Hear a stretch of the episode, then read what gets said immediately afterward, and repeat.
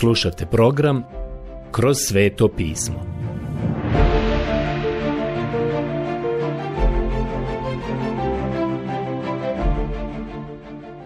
Knjiga Prva Samuelova Odlomak Prva Samuelova od poglavlja 29 do poglavlja 30 Naše današnje proučavanje nas dovodi do 29. poglavlja Prve Samuelove. Ukoliko imate svoju Bibliju, otvorite je zajedno sa nama. Dakle, pratimo priču o Davidu i Šaulu, ali vrlo brzo se priča o Šaulu bliži svome kraju. Prošli smo put vidjeli da je David postao jako obeshrabren i očajan. Kako bismo to rekli bokserskim riječnikom, htio je baciti bijeli peškir. David je napustio zemlju, Bog mu nikada nije rekao da ode kao što je to rekao Abrahamu, ali kao i kod Abrahama i kod Davida se desio gubitak vjere. Tako je David otišao iz svoje zemlje i preselio se u Filisteju koja je definitivno bila neprijateljski nastrojena zemlja prema njegovom narodu. Dakle, on je otišao i proveo tamo neko vrijeme te postao veoma dobar kraljev prijatelj dogodilo se da je ponovo izbio rat između Filistejaca i Izraelaca. David se našao u veoma nezgodnom položaju, ali se osjećao obaveznim ostati sa ovim ljudima sa kojima je bio. David je postao prijatelj sa Akišom, kraljem Filistejaca, i sa barem još jednim od filistejskih poglavara. David se sprijateljio sa kraljem Akišom i smatrao je da bi on trebao biti njegov saveznik ali Bog je intervenisao i spriječio je Davida da se bori protiv vlastitog naroda. Mogu vam reći da je ovo bio tjesan izlaz za Davida i da Bog nije intervenisao, David bi učinio nešto zbog čega bi žalio u ostatku svog života. Dragi prijatelji, vi i ja danas ne znamo i ne shvatamo koliko samo puta Bog interveniše i u našim životima. Vi i ja ponekad prekoračimo granice i izađemo iz okvira u kome Bog želi da budemo ili zanemarimo ono što On želi da činimo. I onda, kao što bi mladi ljudi danas rekli, mi onda brljavimo. A kada napravimo takve brljotine, onda Bog interveniše, a to se dešava mnogo puta kako bi nas spriječio da počinimo neki užasan grijeh zbog koga bismo žalili u ostatku života. Siguran sam da se mnogi od vas mogu osvrnuti na svoje živote i da se možete prisjetiti mnogih takvih događaja u svojim životima. 29. poglavlje David među Filistejcima Ja ću početi čitati od prvog stiha 29. poglavlja. Filistejci skupiše svu svoju vojsku u Afek, a Izrael se u tabori kod izvora što leži u Izraelu. I tako su filistejski knezovi išli sa svojim stotinama i tisućama. A i David je išao najposlije uz Akiša sa svojim ljudima. Prva knjiga Samuelova 29, do 2. David je bio tamo sa Akišom. Onda su drugi filistejski knezovi ugledali Davida. Znali su ko je on i nisu ga željeli sa sobom. Mislim da su s pravom tako razmišljali. Siguran sam da ukoliko vidite neku osobu koja vam je ranije bila neprijatelj i sada vam se odjednom učini kao da je na vašoj strani, tada želite biti sigurni da vam neće prići s leđa i napasti vas. To se ponekad događa čak i danas, čak i među kršćanskom braću. Ponekad neka osoba za koju ste smatrali da nije baš bila prijateljski nastrojena prema vama i odjednom se nađe na vašoj strani. Vi se tada pitate da li vam je ta osoba stvarno prijatelj ili ima neki skriveni motiv na umu. Bog interveniše tako što filistejski knezovi imaju nepovjerenje prema Davidu. Dalje čitamo ovdje u trećem stihu sljedeće riječi. Rekoše filistejski knezovi. Što će ovdje ti hebreji? Akiš odvrati filistejskim knezovima. Pa to je David, sluga Šaula izraelskoga kralja. On je kod mene toliko godina i dana i ne nađoh na njemu do danas ništa, od kako je prešao k meni. Prva knjiga Samuelova 29.3 Dakle, ovaj čovjek, filistejac, sa kojim je David bio, taj mu čovjek nije mogao naći nikakvu zamjerku iz jednostavnog razloga što je David bio lojalan. Nikada ga ni u čemu nije pokušao potkopati. David nije bio takav čovjek. Mislim da je danas jedna velika tragedija u našim kršćanskim krugovima to što imamo ljude koji pokušavaju potkopati druge kršćane. Naravno, to se uveliko događa i u naše vrijeme i u našem okruženju. Sada čitamo dalje. Ali se knezovi filistejski razljutiše nj i zatražiše od njega. Pošalje natrag tog čovjeka, neka se vrati na mjesto što si mu ga odredio. Neka ne ide s nama u rat, da nas ne izda u boju. Čime bi mogao bolje opet omiljeti svojemu gospodaru negoli glavama ovih ljudi. Prva knjiga Samuelova 29.4 Ovi filistejski knezovi su razmišljali na ovakav način i u tome je bilo određene logike. Možda David želi sklopiti primirje ili mir sa kraljem Šaulom, a kako bi to bolje mogao učiniti nego ako bi se okomio na nas i uzeo neke od nas kao zarobljenike ili nas zapravo ubio i to bi ga pomirilo sa Šaulom. A mi ne želimo da bude tako. Ja ću sada biti veoma otvoren sa vama. Budući da ti ljudi nisu poznavali Davida, ne možete ih kriviti za stav koji su zauzeli. Nije li to onaj David kojemu se u čast pjevalo plešući? Šaul pogubi svoju tisuću, a David svojih deset tisuća. Prva knjiga Samuelova 29.5. Dakle, to je bio stav ovih ljudi. Mislim da je to razuman i logičan stav. Ali molim vas, obratite pažnju šta je bilo dalje. Akiš, koji je imao puno povjerenje u Davida, uradio je sljedeće. I dozva Akiš Davida i reče mu, tako živ bio gospodin, ti si pošten. Meni bi bilo drago kad bi ti sa mnom izišao i borio se. Ja ne nađoh na tebi do danas ništa nepravedno, otkako si prešao k meni. Ali nisi po volji knezovima, pa se eto vrati i idi s mirom kući. Ne čini ništa što se ne sviđa filistejskim knezovima. Prva knjiga Samuelova 29, do 7. Drugim riječima, Akiš, jedan od vođa, rekao je, nadglasan sam, nadbrojan. Drugi te neće. Ja imam potpuno povjerenje u tebe, ali da bismo mogli biti složni među sobom, morat ću te zamoliti da se vratiš zajedno sa svojim ljudima. Prijatelji moji, ovo nije bilo ništa drugo nego providnost svemogućeg Boga. To je spasilo Davida od borbe protiv vlastitog naroda. Čitamo dalje. David upita Akiša. Ali što sam učinio i što si našao na svom sluzi otkako sam stupio u tvoju službu do dana današnjeg, da ne idem zajedno i da se ne borim protiv neprijatelja svog gospodara, kralja. Prva knjiga Samuelova 29.8 Na kraju krajeva, kralj Šaul je u to vrijeme bio i Davidov neprijatelj. I on je smatrao da je bio potpuno u pravu kada se pridružio pohodu protiv Šaula. Ali kada dobijete ispravnu i odgovarajuću perspektivu svega toga, možete vidjeti da je David izgubio vjeru. Otišao je iz zemlje, što je značilo da je istupio i iz Božje volje i time je otvorio vrata grijehu.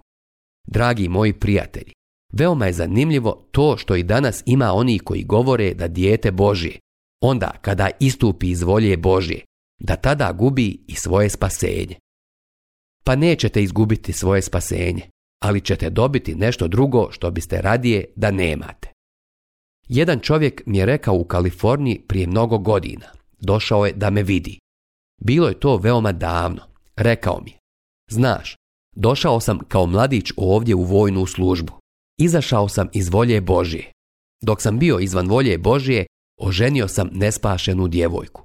Živio sam u pravom paklu od tog dana pa sve do danas. Ne vidim nikakvo drugo rješenje nego da izađem iz tog braka i da se razvedem. Ja sam mu tada rekao, nemoj ti zatražiti razvod, neka ga ona zatraži ako želi da te ostavi. Izdrži, brate.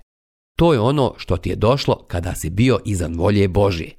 Vidite, Božje dijete neće izgubiti svoje spasenje, ali će sigurno dobiti nešto što bi radije željelo da nema. I ovaj čovjek je učinio istu stvar uvijek upadamo u nevolje kada napustimo Božju volju. To je ono što se dogodilo Davidu. Istupio je iz Božje volje i spremao se da počini užasan grijeh. Ali Bog je intervenisao. Sada ću pročitati 11. stih. I tako ustade David sa svojim ljudima sutradan rano, da se vrati u filistejsku zemlju. A filistejci odoše prema gradu Izraelu. Prva knjiga Samuelova, 29.11. Izrael se nalazi gore na sjeveru. Ako imate dobru geografsku kartu, trebali biste je sada pogledati. Mislim da će vam to pojasniti veliki dio onoga što se ovdje događa i učiniti sve razumljivijim. Usput da kažem, Izrael je gore blizu doline Ezdraelon. To je jedno ogromno bojno polje. To će jednoga dana i biti. Danas je to divna plodna dolina i koristi se za poljoprivredu. Ali kao što vidimo, David nije otišao u Izrael, nego su tamo otišli samo Filistejci. 30. poglavlje David se bori protiv Amalečana kod Siklaga. Dok su Filistejci bili u vojnom pohodu, drugi neprijatelji sa juga, Amalečani, napali su Filistejsku zemlju i Siklag mjesto koje je bilo Davidov dom dok je bio izvan svoje zemlje. Ukoliko sada uzmete svoju kartu, vidjet ćete da je Siklag daleko dole na jugu, čak južnije od Beršebe. To se nalazi dole u filistejskoj zemlji. Kada su filistejci otišli odande, kada je otišla njihova vojska, a malečani su napali. To se dogodilo i to imamo opisano sada ovdje u 30. poglavlju. Kad David sa svojim ljudima dođe treći dan u Siklag, bili su Amalečani upali u južnu zemlju i u Siklag i bili su opljačkali Siklag i ognjem ga spalili. Žene i sve što je bilo tamo, mlado i staro, bili su zarobili, a da nikoga ne ubiše. Odvedoše ih sa sobom kad su odlazili. Kad David sa svojim ljudima dođe u grad, bio je grad pretvoren u pepeo i njegove žene, sinovi i kćeri bili su zarobljeni i odvučeni. Prva knjiga Samuelova 301 do 3. Sada možete vrednovati poziciju koju je imao David i njegovi ljudi. Vratili su se u grad koji su sami izgradili, kao što znate. David je tada sa sobom imao preko šestotina ljudi i svaki od njih je bio oženjen. Svaki je imao ženu i svaki je imao djecu. Možete zamisliti da je to bilo prilično veliko mjesto, a sada je uništeno, spaljeno je potpuno. Ovi ljudi su izbezumljeni. Izgubili su svoje žene i svoju djecu. U tom trenutku oni su mislili da su im žene i djeca bili pobijeni. Molim vas, obratite sada pažnju na četvrti stih. David i njegovi ljudi počeše plakati u sav glas dok više nisu mogli. Prva knjiga Samuelova 34. Bio je to veliki udarac i velika tuga za Davida. Molim vas, obratite pažnju na ono što je uslijedilo. Obje Davidove žene, Ahinoama iz Izraela i Abigajla, Nabalova žena iz Karmela, bile su zarobljene i odvučene. Prva knjiga Samuelova 35. Sjećate se da je Abigaila bila udata za onog veoma bogatog čovjeka. Njegovo ime je bilo Nabal, a to znači budala. On je imao srčani udar i umro je. David je onda uzeo Abigajlu za ženu. Ona je bila dio njegovog života, onog dijela njegovog života koji je bio dobar. Jedina svijetla tačka koju ja mogu pronaći u Davidovom životu i zapravo jedina žena koja mu je činila dobro.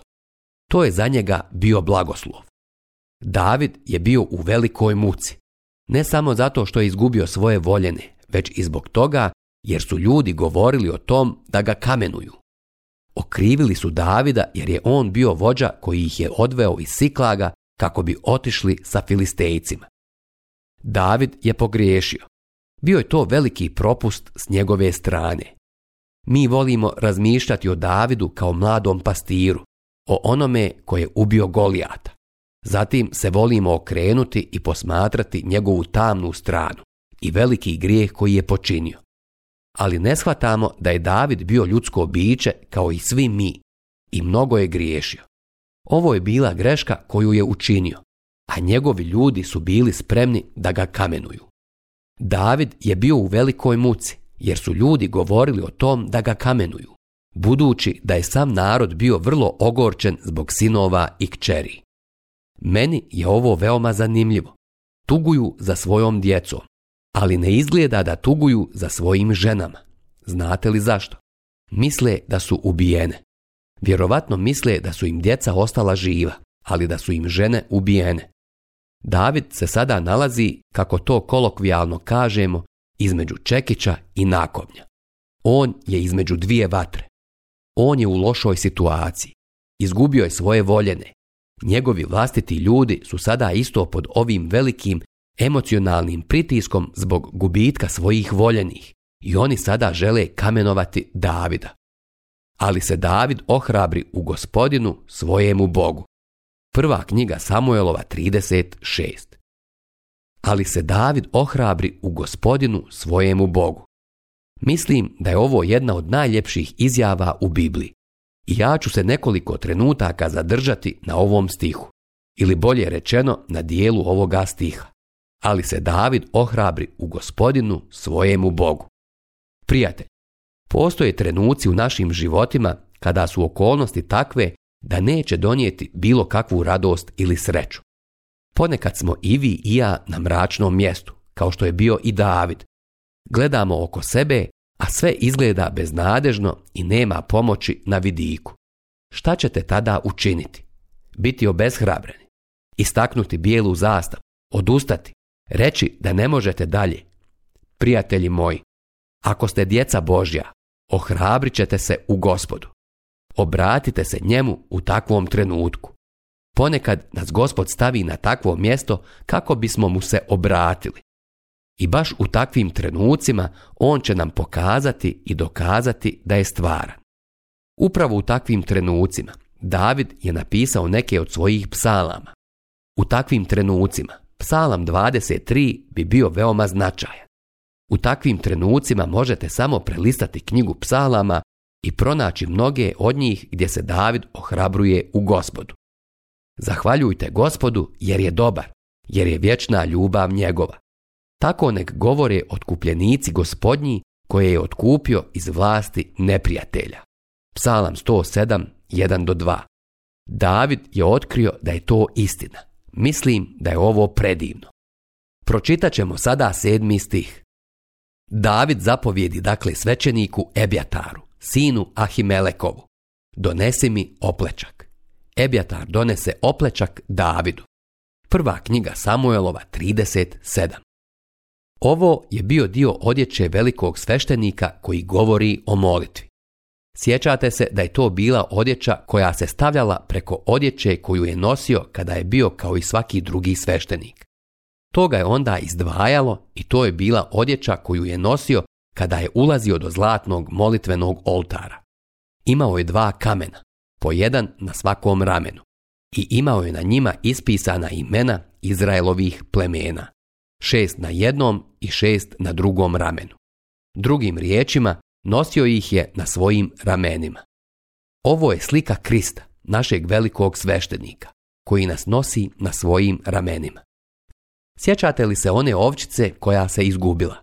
Šta je pastir uradio? Stavio je na ramena i vratio je natrag.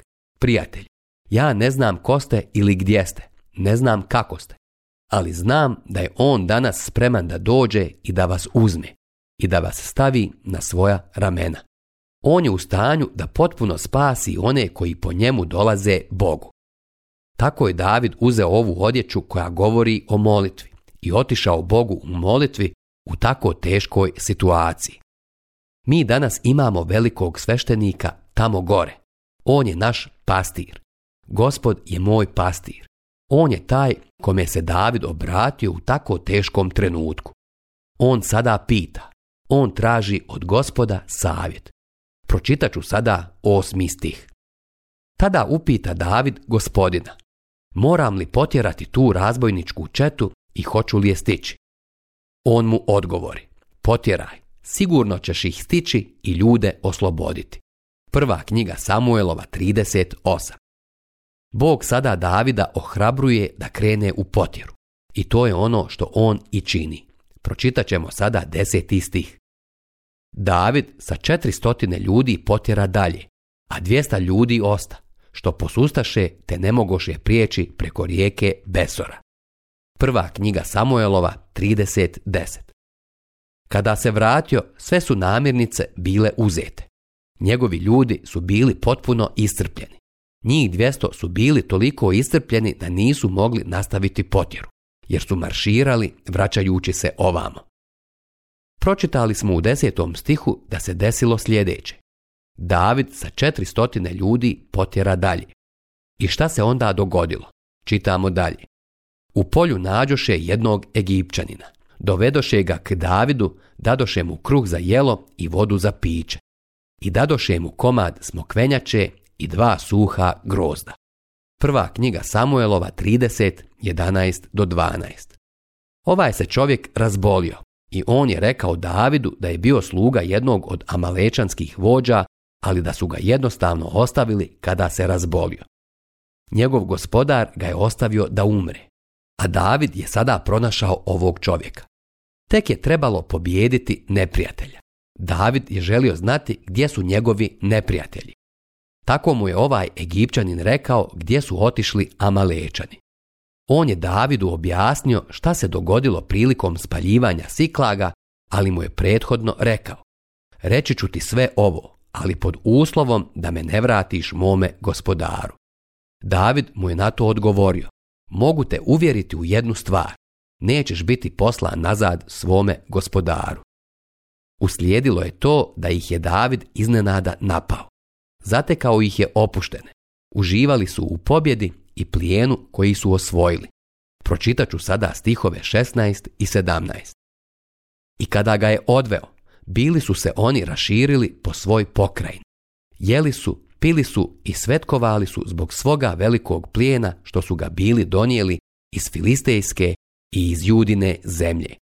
David ih je tukao od popodne do navečer sljedećeg dana tako da nijedan od njih ne uteče, osim stotine slugu što pojahaše deve i pobjegoše. Prva knjiga Samuelova 30, 16 do 17. Ovi ljudi su imali mogućnost prevoza i uspjeli su pobjeći. David je vratio sva stada i goveda koja su oteli, a zatim je vratio i žene i djecu onima kojima su pripadali. Nakon toga je došlo do rasprave među Davidovim ljudima da li trebaju podijeliti plijen i sa onih 200 ljudi koji ih nisu mogli pratiti u potjeri i njihovom pohodu. David je ovdje iznio jedan veliki i značajan princip koji otkriva njegovu pravednost i pravdoljubivost što ga je učinilo čovjekom kakvog je Bog mogao koristiti. Rekao je, ovih 200 muškaraca koji su bili bolesni, koji nisu mogli poći s nama, koji nisu bili u mogućnosti sudjelovati u potjeri i pohodu, ravnopravno će podijeliti plijen sa nama. Ja želim reći da je to pokazalo koliko je David bio pravedan. Želio bih i više govoriti o ovome, samo kada bismo imali vremena, ali neću moći. 31. poglavlje Ožalošćeni David je krunisan za kralja. Molim vas, obratite sada pažnju. Počinjem čitati od prvog stiha. Izraelci su bili u borbi sa Filistejcima. Hvala gospodu, David nije bio uključen u tu borbu. Providnost Božja ga je spriječila u tome. Bog je intervenisao da ga spriječi da uđe u tu bitku. I tako se David povukao, vratio se u Siklag, ali je tamo zatekao tragediju koja se u međuvremenu dogodila krenuo je u potjeru za Amalečanima koji su uništili i spalili grad i odveli narod u zarobljeništvo. Pročitat ćemo sada prvi stih. Međutim, je bilo došlo do bitke između Izraelaca i Filistejaca. Ljudi su se Izraelovi bili dali u bijeg pred Filistejcima i ležali su na gori Gilboji nasmrt ranjeni. Prva knjiga Samuelova 31.1 Svaki put kada vidite Izraelce kako bježe pred svojim neprijateljima, to je zato što su izvan Božje volje, zato što su išli protiv Boga. U današnje vrijeme postoji mišljenje da je Bog odobrio rat u starom zavjetu, ali on to uopšte nije odobrio. Kada bi se Izrael uključio u rat mimo Božje volje, kada se nisu branili, onda su uglavnom gubili u takvim bitkama. Baš to se ovdje dogodilo. Ovdje počinje tragedija za Izraelce i to nam je rečeno u drugom stihu. Filistejci se natisnuše za Šaulom i njegovim sinovima. Pritom pogubiše Filistejci Jonatana, Ahinadaba, Malkišu, Šaulove sinove. I za Šaula posta boj vrlo težak. Napokon ga pogodiše strijele. I on bi teško ranjen od strijela. Prva knjiga Samuelova 31 2 do 3. Sada bi se moglo učiniti da je ovdje početak Šaulovog kraja. Prvo ga je u borbi pogodio strijelac. Očigledno je to učinio neko ko nije prepoznao da je pogodio kralja. Bio je to pogodak u sami centar, jer je pogodio kralja. Tragedija koju imamo ovdje jeste u tome da je Jonatan ubijen u ovoj bici. Ovo je čudno, jer smo mogli pročitati da je jednom prilikom Jonatan pobio 250 neprijatelja, a to su također bili filistejci. Dakle, ovdje nam se otkriva koliko je Izrael u ovoj situaciji bio beznadežno brojčano nadjačan. To je mogla biti bitka u kojoj su se David i Jonatan mogli naći na suprotnim stranama. Bog je intervenisao. Kao što znate, David se osjećao loše što nije mogao krenuti u tu bitku. To je zbog toga što on u to vrijeme još nije prepoznao da je Bog intervenisao u njegovu korist. Neko je lijepo rekao da su mnogo puta naša razočarenja zapravo njegova djelovanja u našim životima. U redu, vraćamo se na naš tekst. Ovdje smo vidjeli da je Šaul bio ranjen. Šta se dogodilo? Pročitat ćemo četvrti stih. Tada zapovjedi Šaul momku koji mu je nosio oružje. Izvadi svoj mač i probodi me, da ne dođu ti pogani, probodu me i narugaju mi se. Ali momak koji mu je nosio oružje nečkao se, jer se je vrlo bojao. Tada Šaul sam uze mač i baci se na nj. Prva knjiga Samuelova 31.4 Kada je Šaul shvatio da je smrtno ranjen, predosjetio je da će neprijatelj doći do njega, zarobiti ga i izvrgnuti ga ruglu. Ja mislim da bi oni to i uradili. On nije želio da bude tako ubijen. Kao što smo vidjeli, Šaul je bio veoma ponosan, egoističan čovjek i to je bilo nešto što mu uopšte nije bilo prihvatljivo. Rečeno nam je da se njegov štitonoša nečkao da ga ubije. Bojao se da to učini, da digne ruku na kralja. Tada Šaul sam uze mač i baci se na nj. Sada možda izgleda kao da je Šaul bio samo ubica. Da li on zaista bio samo ubica? Pa saznaćemo to. Kad momak što mu je nosio oružje vidje da je Šaul mrta, baci se i on na svoj mač i umre s njim. Tako poginu Šaul, tri njegova sina, momak što mu je nosio oružje i svi njegovi ljudi zajedno onoga dana. Kad Izraelovi ljudi s one strane doline Jordana doznaše da su Izraelci pobjegli i da su mrtvi Šaul i njegovi sinovi, ostaviše svoje gradove i nagnuše u bijeg. I dođoše Filistejci i nastaniše se u njima. Sutradan dođoše Filistejci kako bi opljačkali pobijene. Kad nađoše Šaula i njegova tri sina, gdje leže na gori Gilboji, ocijekoše mu glavu i skidoše oružje s njega. Tada poslaše u filistejsku zemlju na sve strane da dojave hramovima svojih idola i narodu vijest o pobjedi. Prva knjiga Samuelova 31 od 5 do 9. Možete vidjeti sada kada je ovaj Šaulov oklop bio poslan u naokolo za pokazivanje. Zašto je Šaul pokušao natjerati Davida da nosi njegov oklop kako bi se u njemu borio protiv Golijata? Poenta je bila u sljedeće, Ukoliko bi David pobjedio noseći Šaulov oklop i oružje, ko bi onda preuzeo zasluge za tu pobjedu? Pa znamo. Znamo da bi Šaul to učinio jer čak i onda kada je njegov vlastiti sin pobjedio. Šaul je umjesto da sinu pripiše zasluge, zatrubio po svojoj zemlji i preuzeo zasluge za to. Obratite sada pažnju na ono što je uslijedilo njegovo oružje staviše u hram Aštarte, a njegovo tijelo objesiše na zid Bet Šana. Kad su stanovnici Jabeša u Gileadu saznali što su filistejci učinili Šaulu, podigoše se svi naoružani ljudi i išli su svu noć. Skinuli Šaulovo tijelo i tjelesa njegovih sinova s Bečanskoga zida. Donesoše ih u Jabeš i ondje ih spališe. Tada uzeše njihove kosti pokopaše ih pod Tamarisom u Jabešu i postiše sedam dana. Prva knjiga Samuelova 31.10 do 13.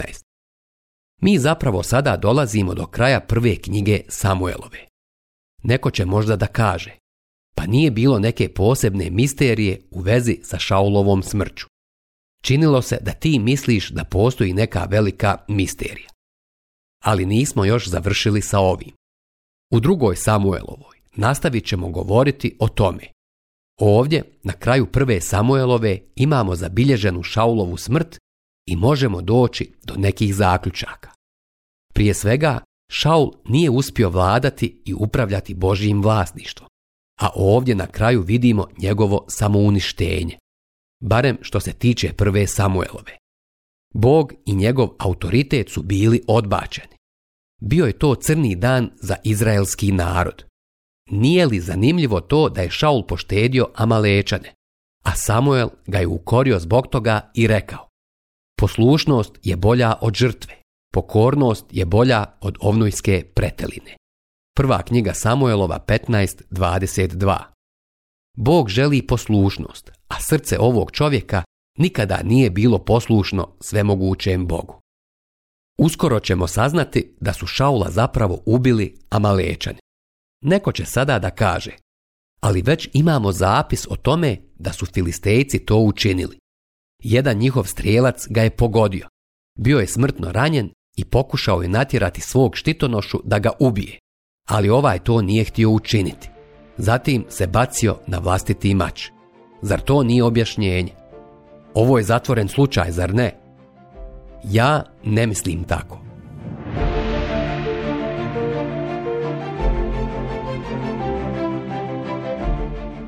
Slušali ste emisiju Kroz sveto pismo. Možete nas slušati i na našem YouTube kanalu putem mobilne aplikacije, te na svim glavnim podcast platformama kao što su Google, Apple i Spotify. Ako vam se naši programi dopadaju, preporučite ih i podijelite s drugima. Budite slobodni da ostavite svoj komentar ili nam pišite na našu e-mail adresu kroz svetopismo.bih at gmail.com Zapratite našu stranicu kroz sveto pismo BiH na Facebooku i na Instagramu.